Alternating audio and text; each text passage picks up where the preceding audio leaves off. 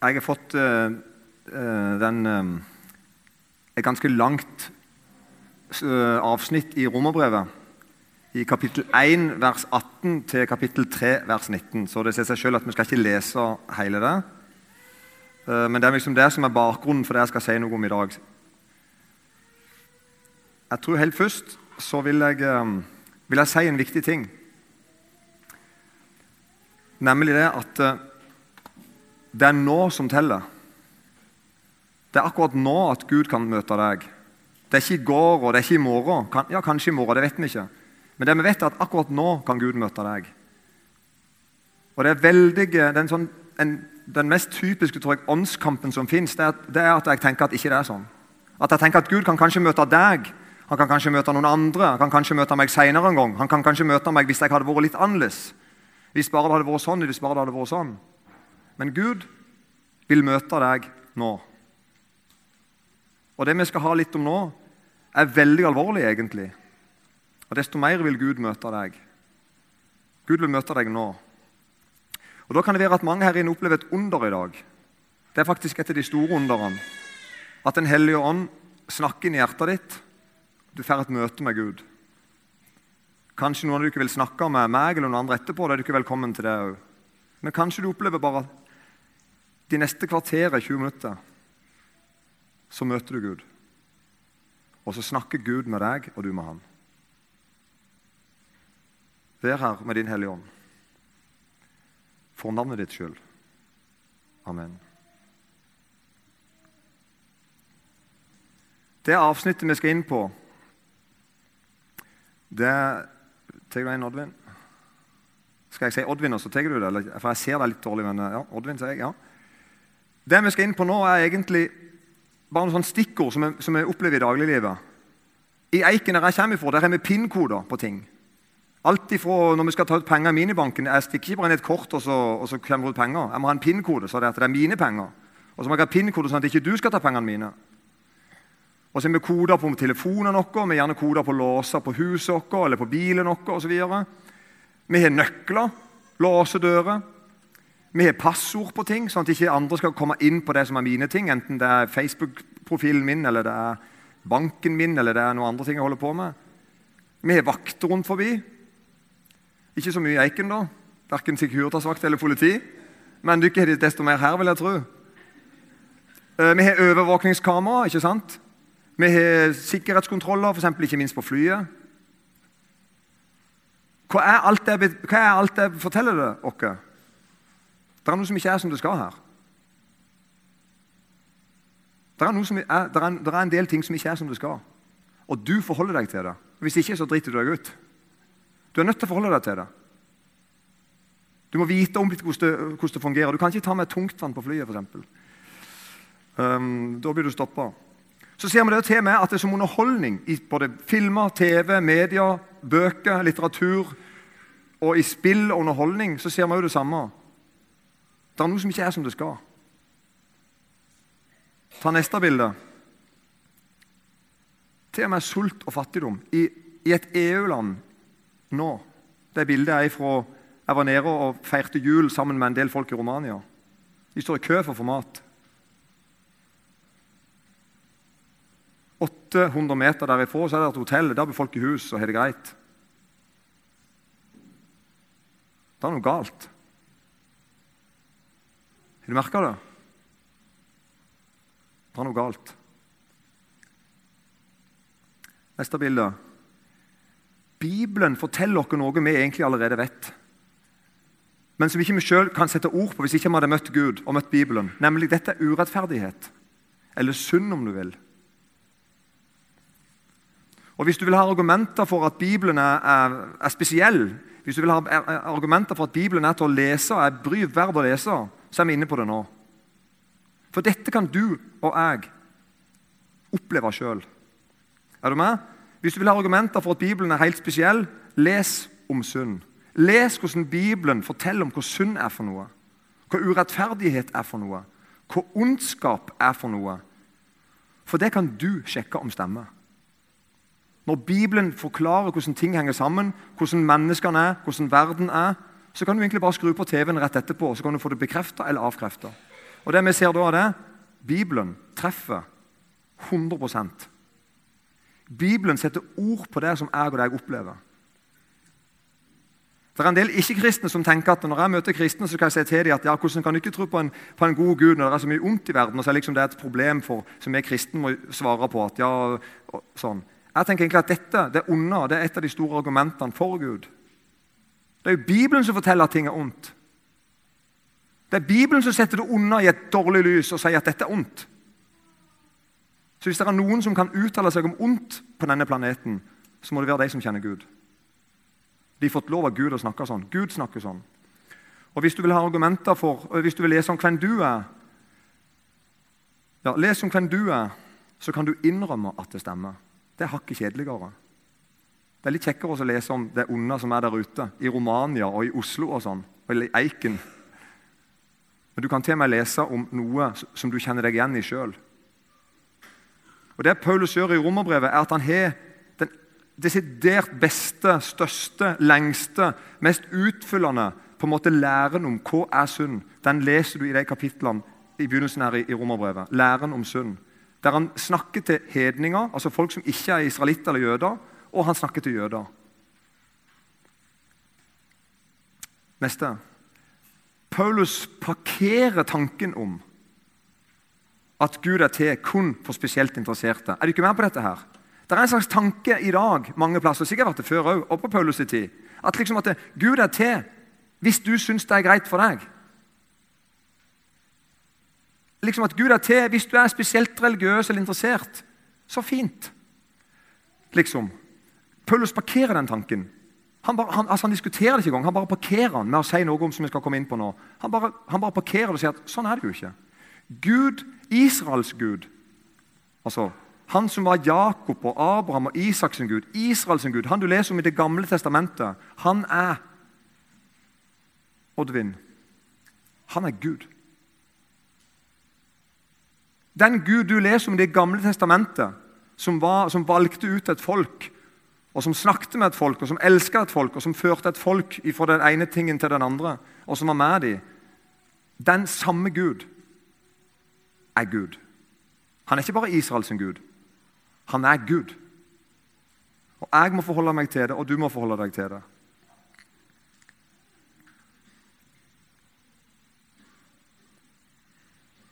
Så Det er på en måte som, det som Paulus diskuterer i romerbrevet, det er på en måte kan Abraham og Isak og Jakob sin Gud kan han òg være hedningenes Gud? Altså de som ikke hører til jødefolket? Kan hedninger få lov til å kalle Gud for Gud? Eller er det kun jødene? Er han bare jødene sin Gud? Eller så kan vi spørre hverandre kan vi påkalle Bibelens herre? Vi som er hedninger fra Skandinavia?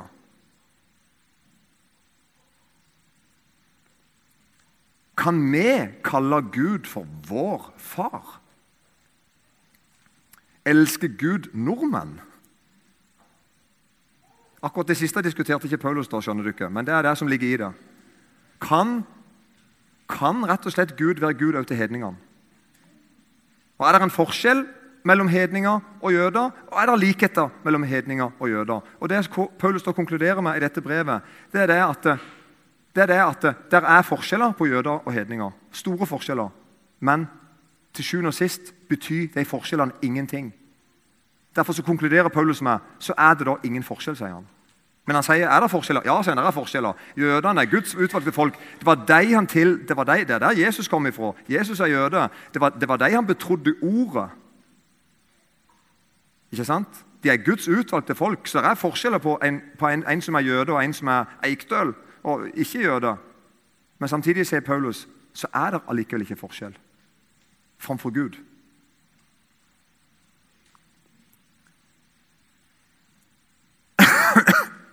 Gud er til.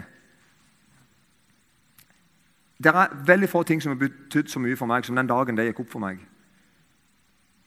Det gikk opp for meg en dag at om jeg tror på Gud eller ikke, så spiller det ingen rolle for Gud. Han er til. Om jeg banner eller ber, er Gud til. Gud fins. Og Det er sånn Paulus skriver romerbrevet her. Han går bare rett inn og forteller at Gud fins. Sjøl om du ikke tror på ham. Ja, sjøl om ikke du vet om ham. Her kommer det sånn en negativ bekreftelse på det i Romerbrevet 2, 11-12. For Gud gjør ikke forskjell på folk. Alle som syndet uten å ha loven, skal gå fortapt uten loven, og alle som har syndet under loven, skal dømmes ved loven. Det betyr det er noen som ikke kjenner Gud, og det er noen som kjenner Gud. Men det er ingen forskjell på dem. Ingen forskjell.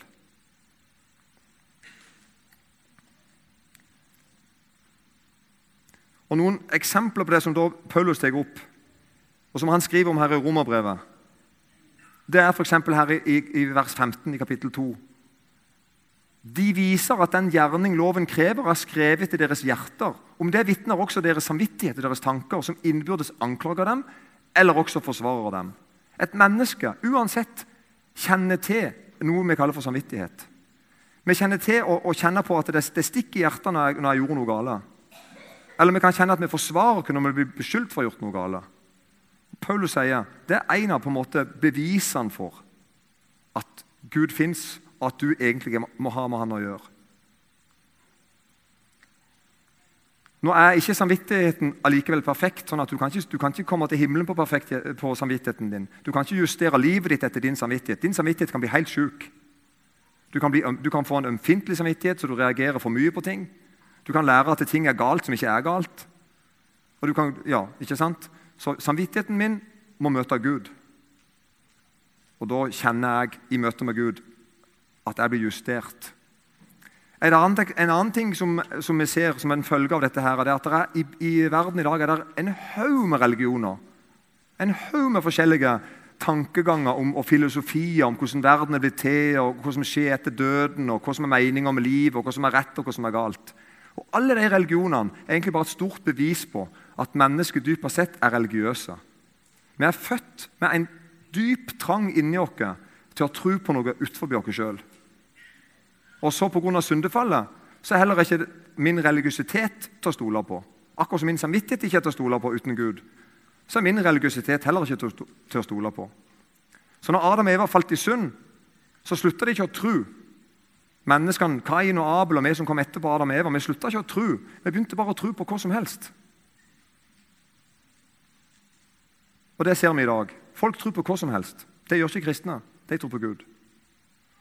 Men likheten er at alle tror. Og, så, og Derfor viser jo alle religioner om syndefallet det at Adam og Eva mista et forhold til Gud og er fortapt alene. De leiter. Ja.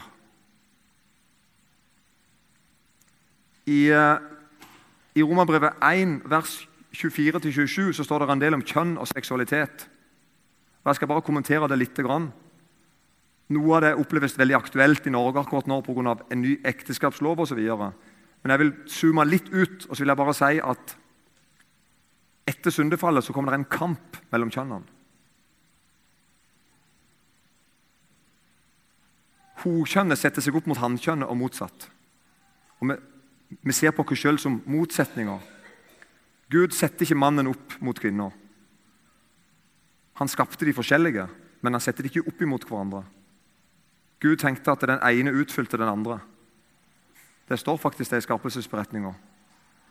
Adam kjente at er, det er noe som mangler. Jeg står, i, jeg står, sammen med Gud. Det er ikke noe synd her. Alt er perfekt. Jeg er sjefen her. Jeg gir navnet på alle, alle skapningene her. Og så kjente han det var noe som ikke stemte likevel.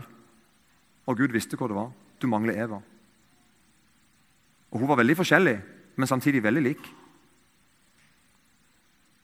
I dag så er det en kamp mot kjønnene, mellom kjønnene. Synden har snudd på en måte forholdet mellom mann og dame opp ned. Vi opplever en kamp. Vi slåss for vårt kjønn. Vi bryter ned gudgitte forskjeller, gjerne i rettferdighetens navn. Her må du som tror på Jesus, gå foran, og som du viser hvordan Gud har tenkt det. Her gjør vi ofte synd, tror jeg. At Gud må få vise oss hvordan er det med, hvordan vi skal tenke om dette. Nå skal vi lese, og det er tre, um, Det er tre sider nå, Oddvin, så nå leser jeg bare, så følger du med. Vi skal lese noe som står i Romerbrevet 10, i vers 3, eh, Romerbrevet 3 og vers 10 og utover i sammenheng. Når han skal liksom konkludere med hvordan er, det, hvordan er det da på jord? Som det står skrevet, sier da Paulus, det er ikke én rettferdig, ikke en eneste. Det er ikke én som er forstandig. Det er ikke én som søker Gud. Alle er veket av. Alle sammen er blitt udugelige. Det, det er ikke noen som gjør det gode. Ikke en eneste.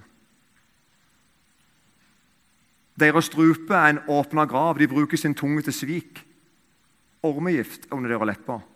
Deres munn er full av forbannelse og bitterhet. Raske er deres føtter til å utløse blod. Ødeleggelse og elendighet er på deres vei.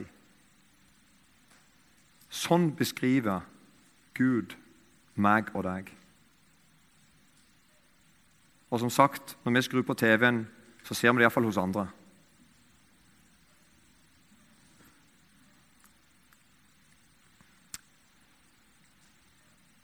Har du fått en lukka munn i møte med Gud?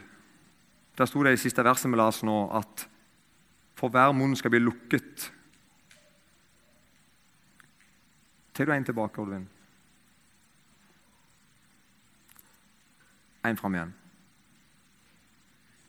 det siste verset der. Men vi vet at alt det loven sier, det taler den til den som er under loven, for at hver munn skal lukkes, og hele verden blir skyldig for Gud. Og så neste. Har du fått en lukka munn i møte med Gud? Det er et forferdelig godt uttrykk å få en lukka munn. Jeg har en kompis i Romania. Før han ble kristen, så kjørte han som et svin. Og så var han i Norge en del. Og Da var han ikke så nøye med å bli tatt, for han bodde jo i Romania. Så han var oppe og solgte litt eh, magasiner sånn på gatene, og så lånte han litt norske biler. Så ble han tatt i radar, og sånn, og så bare reiste han til Romania. Så kom det etter hvert sånn halvår etterpå kom det noen brev ned om at han hadde kjørt for fort. og det brydde ikke han seg om.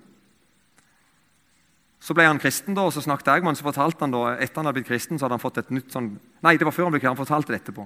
Han hadde fått et krav som da var åtte måneder gammelt. Liksom. Da hadde de endelig funnet ut hvor han bodde. Henne, og sånn. Han hadde da påstått at han hadde kjørt veldig fort i ei 80-sone. Sånn at sånn, du nesten mister lappen. Så han, han, fortalte meg da at jeg bare svarte i mail tilbake at uh, det er ikke meg, dette kjenner jeg ikke til. Du kan ha tatt feil. Dette er ikke meg. Han visste at det helt sikkert var han. Han kjente igjen kjørestrekninga i, i, Oslo der og visste at det var der han bodde. og det var der han hadde bodd og sånn. Men han skrev bare tilbake til politiet at 'dette kjenner jeg ikke til'. Og Så gikk det en måned eller to. Så fikk han ned et, et brev fra politiet med bilde av bilen. Krystallklart bilde av seg sjøl sitter bak rattet og røyker og ei mobiltelefon. Og kjører for fort. Dette fortalte da han kompisen Mihai heter han, og fortalte han til meg, og så lo han. Da fikk han sin munn lukka. Er du ikke? Det er ikke noe mer å diskutere. Det er noen folk som møter Gud og forstår at jeg har nok gjort noe galt. hvis du er med på bildet med Mihai, altså, at jeg, jeg har nok kjørt for fort. Det er, nok, det er nok mulig, det. Men du er villig til å diskutere det. Du er villig til å forsvare deg. Du er villig til å bagatellisere det. Du er villig til å gjemme det. Du er villig til å lyge om det til meg. Er du med? Så du sender et brev tilbake du, til Gud. Jeg tror du har tatt feil. Eller det var, der er, der er naboen min enda verre. Eller kona mi enda verre. Eller noe sånt. Du får en mail tilbake av Gud. Og Sitter du her i dag, så håper du får han i dag. Det er du som skal få en lukka munn. Det er du som skal slå blikket ned i møte med Gud. Det er først og fremst du. Det er du som er den urettferdige. Det er du som er ugudelig, ikke alle de andre. Det kan, det, kan, det kan, de ta seg av. Dette er veldig viktig. For det er her på en måte en skille mellom å bli religiøs og det å bli kristen. Det er her vi skiller mellom å bli en dømmesjuk, kjip fyr og det å bli født på ny. Du må møte Gud sånn at du kan si noe som ligner på 'Jeg ble svar skyldig'. 'Jeg fikk en lukka munn'. Eller 'jeg fikk nok med meg sjøl'. Du, du, du, du har dykka uttrykk på det. da, ikke sant? Bibelen, Paulus sitt uttrykk her, Det er et kjempegodt uttrykk. 'Jeg fikk en lukka munn'. Der tenker jeg du fikk noe. Sånn sier jeg til ungene mine. Nå tenker du, hæ? Ja. Den opplevelsen der må du ha med Gud. Du må ha sånne opplevelser med Gud. Ikke bare én gang, men du må, ha, du må ha sånne opplevelser med Gud. Du er nødt. Det er sånn det er å, å møte Gud. Gud ble Gud, og jeg ble ikke Gud. Gud hadde alle svarene. Gud hadde hele vettet. Jeg hadde ingen svar, og ingen vet. Og så bøyer jeg meg for Gud. Når det skjer, så er det tidenes under. Og Du som hører Jesus til, og som vet nå at du er borti noen synder nå som ikke du skulle være borti, la Gud stikke deg i samvittigheten din og vite at det er et stort Guds under når det skjer. Gud er på besøk i livet ditt. Han har ikke gitt deg opp. Det var nemlig ikke sånn at når verden falt i synd, så sa Gud at ja vel, lykke til videre. Nei, Gud kom etter oss. Og så holder han oss ansvarlige. Snakker til oss. Han er noe mer å si òg bare enn at alt er gale. Men han vil si det òg. Neste. Synd er mer enn lovbrudd. Sant? De fleste gangene vi leser om synd i Bibelen det forresten vet jeg ikke om det er sant. Jo, jeg tror De fleste ganger du leser om synd i Bibelen, så er det sånn typisk episodeting. Altså kan, Det kan hete misgjerning eller ugjerning eller lovbrudd. Eller, er det med på den? Det heter sånne uttrykk som at du gjorde noe eller ikke gjorde noe. Så kan det liksom dateres til en dato, og det, det, det heter klokkeslett, og det, det heter noe. Det er synd. Synd er lovbrudd. Det står i Bibelen. synd er lovbrudd. Men synd er mer enn lovbrudd. Det er ikke bare sånn at hvis jeg slutter å gjøre, gjøre synde, så er jeg ikke syndig lenger. Jesus han sier det sånn faktisk i en samtale at fra hjertet kommer onde tanker. Så hvis vi har en tanke her om at nå vil jeg bare skru av TV-en og slutte å se på, TV, altså slutte å se meg som på synde rundt meg Jeg ville bare lukke meg inne innom fire murer og så vil jeg bare sitte der alene med en bibel og kanskje en salmebok. eller noe sånt. Da er vel jeg kvitt synda. Nei, sier Jesus. Sorry.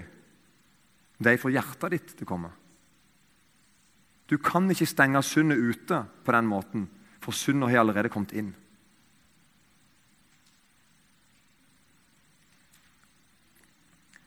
Er du ikke med? Derfor sier Jesus her at det er ikke det som du putter inn i munnen, som gjør, som gjør mennesket ureint, men det er det som kommer ut.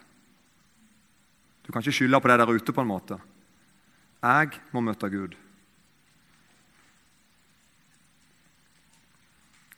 Jeg kan ikke stenge syndet ute. Hun er allerede kommet inn.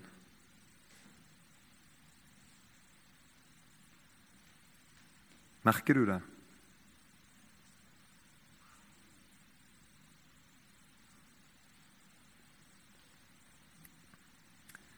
Paulus forkynner i romerbrevet på en sånn måte at vi møter Gud før det er for seint. Vi blir dømt av hans ord, og det er det Gud ønsker at vi skal få en lukka munn.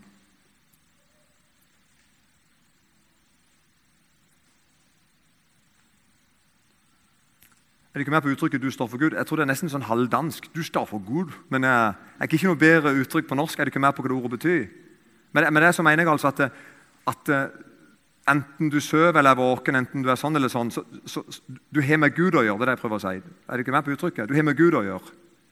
Du står for Gud. Det betyr ikke at du sånn, står sånn for Gud, men det betyr at i livet ditt, enten du snur ryggen til Gud eller er opptatt av Gud, enten du kjenner Gud godt eller lite, eller enten du aldri har hørt om han eller hørt mye om han, du står for Gud. Ikke fordi du er religiøs.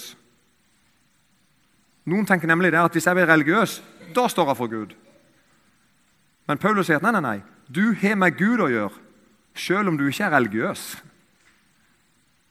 Du står for Gud ikke fordi du er troende, ikke fordi du ønsker det, ikke engang fordi du er kristen. Du står for Gud kort og godt for det at du er til.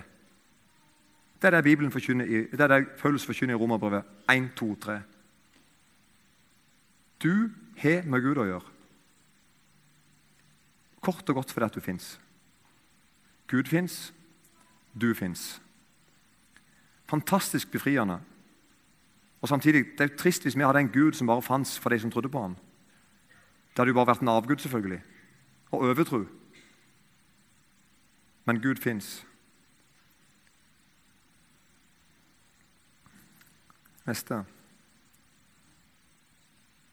Guds bud og krav, det vi snakker om nå, sier Det er på en måte Gud forteller når du møter Gud i Bibelen med hans sine krav, hans sine bud, hans sin tale om synd, som vi snakker om nå i dag.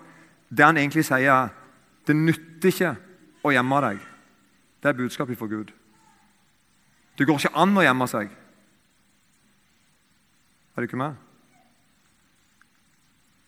Guds nåde sier alt det du leser i Bibelen om hva Gud har gjort for deg, og hva Gud gjorde for å frelse oss ut ifra syndene, det forteller du behøver ikke gjemme deg.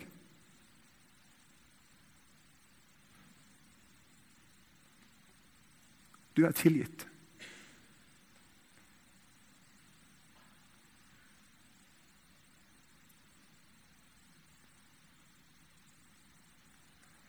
Akkurat nå så er det iallfall to milliarder mennesker som ikke har hørt dette. Noen sier kanskje det til og med tre milliarder. Og jeg og deg vet at om ikke de har hørt om Gud, så står de òg foran Gud i dag.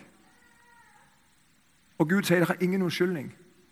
Det er ingen forskjell. Alle skal en dag møte meg.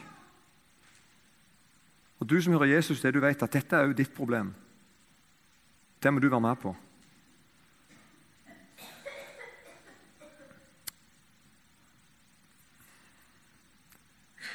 Gud spør egentlig deg nå i dag, da. Hvor er du?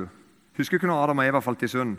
Så gikk de og gjemte seg i hagen av en eller annen idiotisk grunn med noen blader og noen greier. Utrolig rare greier. De tenkte men nå må vi gjemme oss for Gud. da.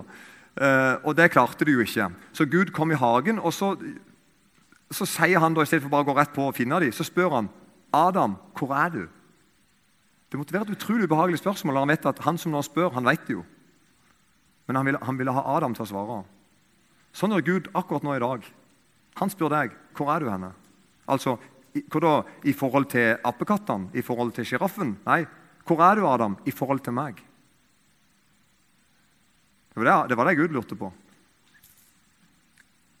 Av og til så drister vi mennesker oss til å spørre til Gud hvor er du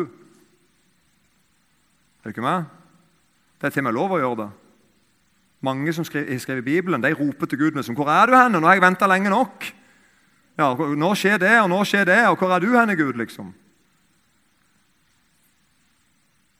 Men i dag spør Gud deg hvor er du?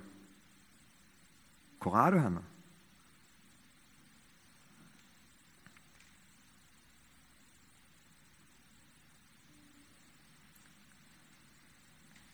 Nå har jeg kom ut av tida fordi at jeg ikke med tingen min her framme. Jeg har holdt på lenge nå. Kan jeg ta en fortelling?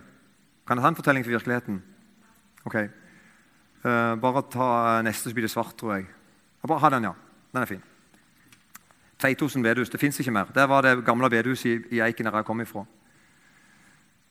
I 1979, Jeg er født i 1973, så jeg var sånn en sju år ca. Var jeg ikke det? Ca. sju år var jeg da. Så gammel er jeg. Jeg husker det ennå. Jeg satt ganske langt eh, bak, sånn som baki der. På den sida der. Og så var det veldig mange på møter, for det var litt sånn spesielle møter. Det var noe som skjedde, liksom, så det gikk ganske mange på møtene. Sikkert sånn 80-90 stykk. Bedehuset var sånn fullt. Ganske langt, gammeldags bedehus. Nå har det kommet et nytt, breit, kult et. Og så husker jeg, midt i møtet, ikke sånn midt i en tale, men det var sånn, alle, fikk, alle forsto at oi, han som nå reiser seg, han har ikke bedt om lov til dette.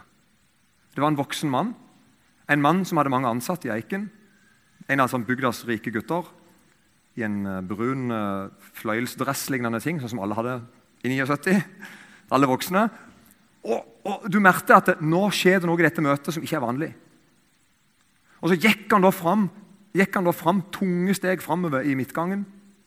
Og så gikk han liksom retning helt fremste benk. Faktisk bort til predikanten. Var helt stille i bedehuset. Hva er det som skjer for noe? Og Du så jo som han gikk at han hadde på en måte, han hadde egentlig ikke lyst, men han gjorde det jo frivillig. Ingen hadde bedt han om å gjøre det. Iallfall ingen som vi visste om. Så gikk han bort til han på fremste benk. og Da satt jeg såpass langt bak at jeg hører ikke alt som ble sagt. Men det han mannen gjorde, det var å rette ut hånda til en mann som faktisk var predikant, og si Kan du tilgi meg for at jeg har snakka stygt om deg bak ryggen din veldig mye de siste månedene? Og han, han her mannen da tenkte at jeg, må, jeg må bare ta det opp foran alle, for det, det er, det dykket jeg har snakka med dette om. Derfor vil jeg gjøre opp her mens dykket ser på. Og Så reiser han der mannen seg. Jeg var 20 år da, husk det. Og fulgte med. Så reiser han mannen seg og tigger ut hånda, han òg. Og så blir det sånne klønete mannfolkklem, at du står og helser mens du klemmer. sånn det tidligere. Men det, det så enda verre ut på 80-70-tallet. Men er du, med, er du, ikke med, på fortellingen? Den her er helt sann. Det skjedde på bedehuset hjemme. Det som skjedde var at Han her mannen som satt bak da, han er død nå forresten, han hadde fått med Gud å gjøre. Han forsto at det er jeg som har gjort noe galt mot Gud. Det er jeg som ikke lever sånn som jeg skal. Og det er jeg som går og sprer ut stygge rykter om en annen person. Og Jeg til og med gjør det til andre kristne. Og så bestemte han seg da jeg er nødt til å gjøre opp. Og så gjorde han opp. En fantastisk fortelling, er det ikke det? Nå kommer det som er dumt med fortellingen. Det er sist gang jeg så det skjedde. Og det vil jeg snakke med dere om helt nå til slutt. Det var jo dette vi kristne skulle ha på med hver dag. Det er jo dette det handler om, er det ikke det? Å leve i lyset, leve i samfunn med hverandre, innrømme synde, be om tilgivelse, gi tilgivelse. Og Sist jeg så dette skjedde på et vanlig bedehus i Norge, da var Ronald Reagan president i USA. for du ikke om han. Så lenge er det siden. Det er krise. Og dette er krisa i dette landet. Det er dette som er krisa i dette landet. Du har blitt stolt. Du bøyer deg ikke for Gud. Det kan andre gjøre. Eller det kan folk med deg og de syndene gjøre. Og så lærer vi hverandre til å bli stolte i lag.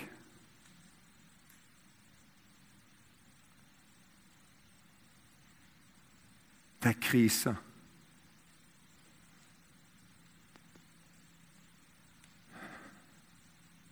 Det er krise.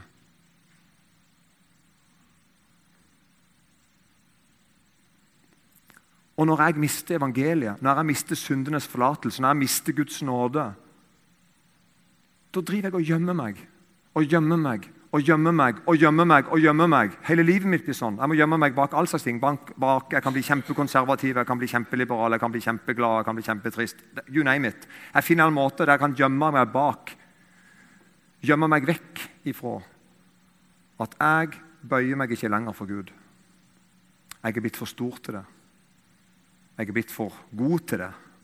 Eller et eller annet. Jeg er blitt for viktig til det. Og du som merker at Jesus banker på døra di nå, takk Gud for det.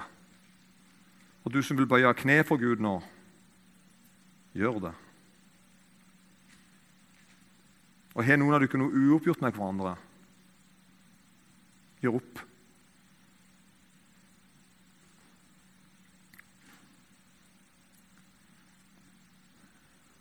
Du trenger å møte Gud på ordentlig.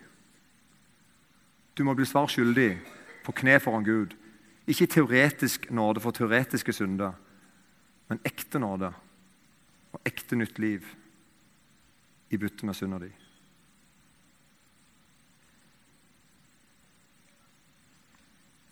Kjære Jesus.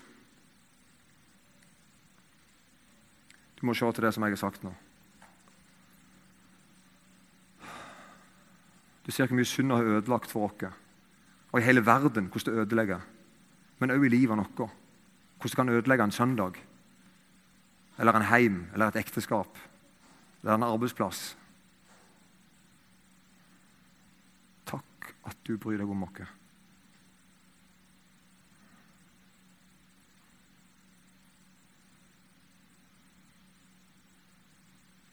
Amen.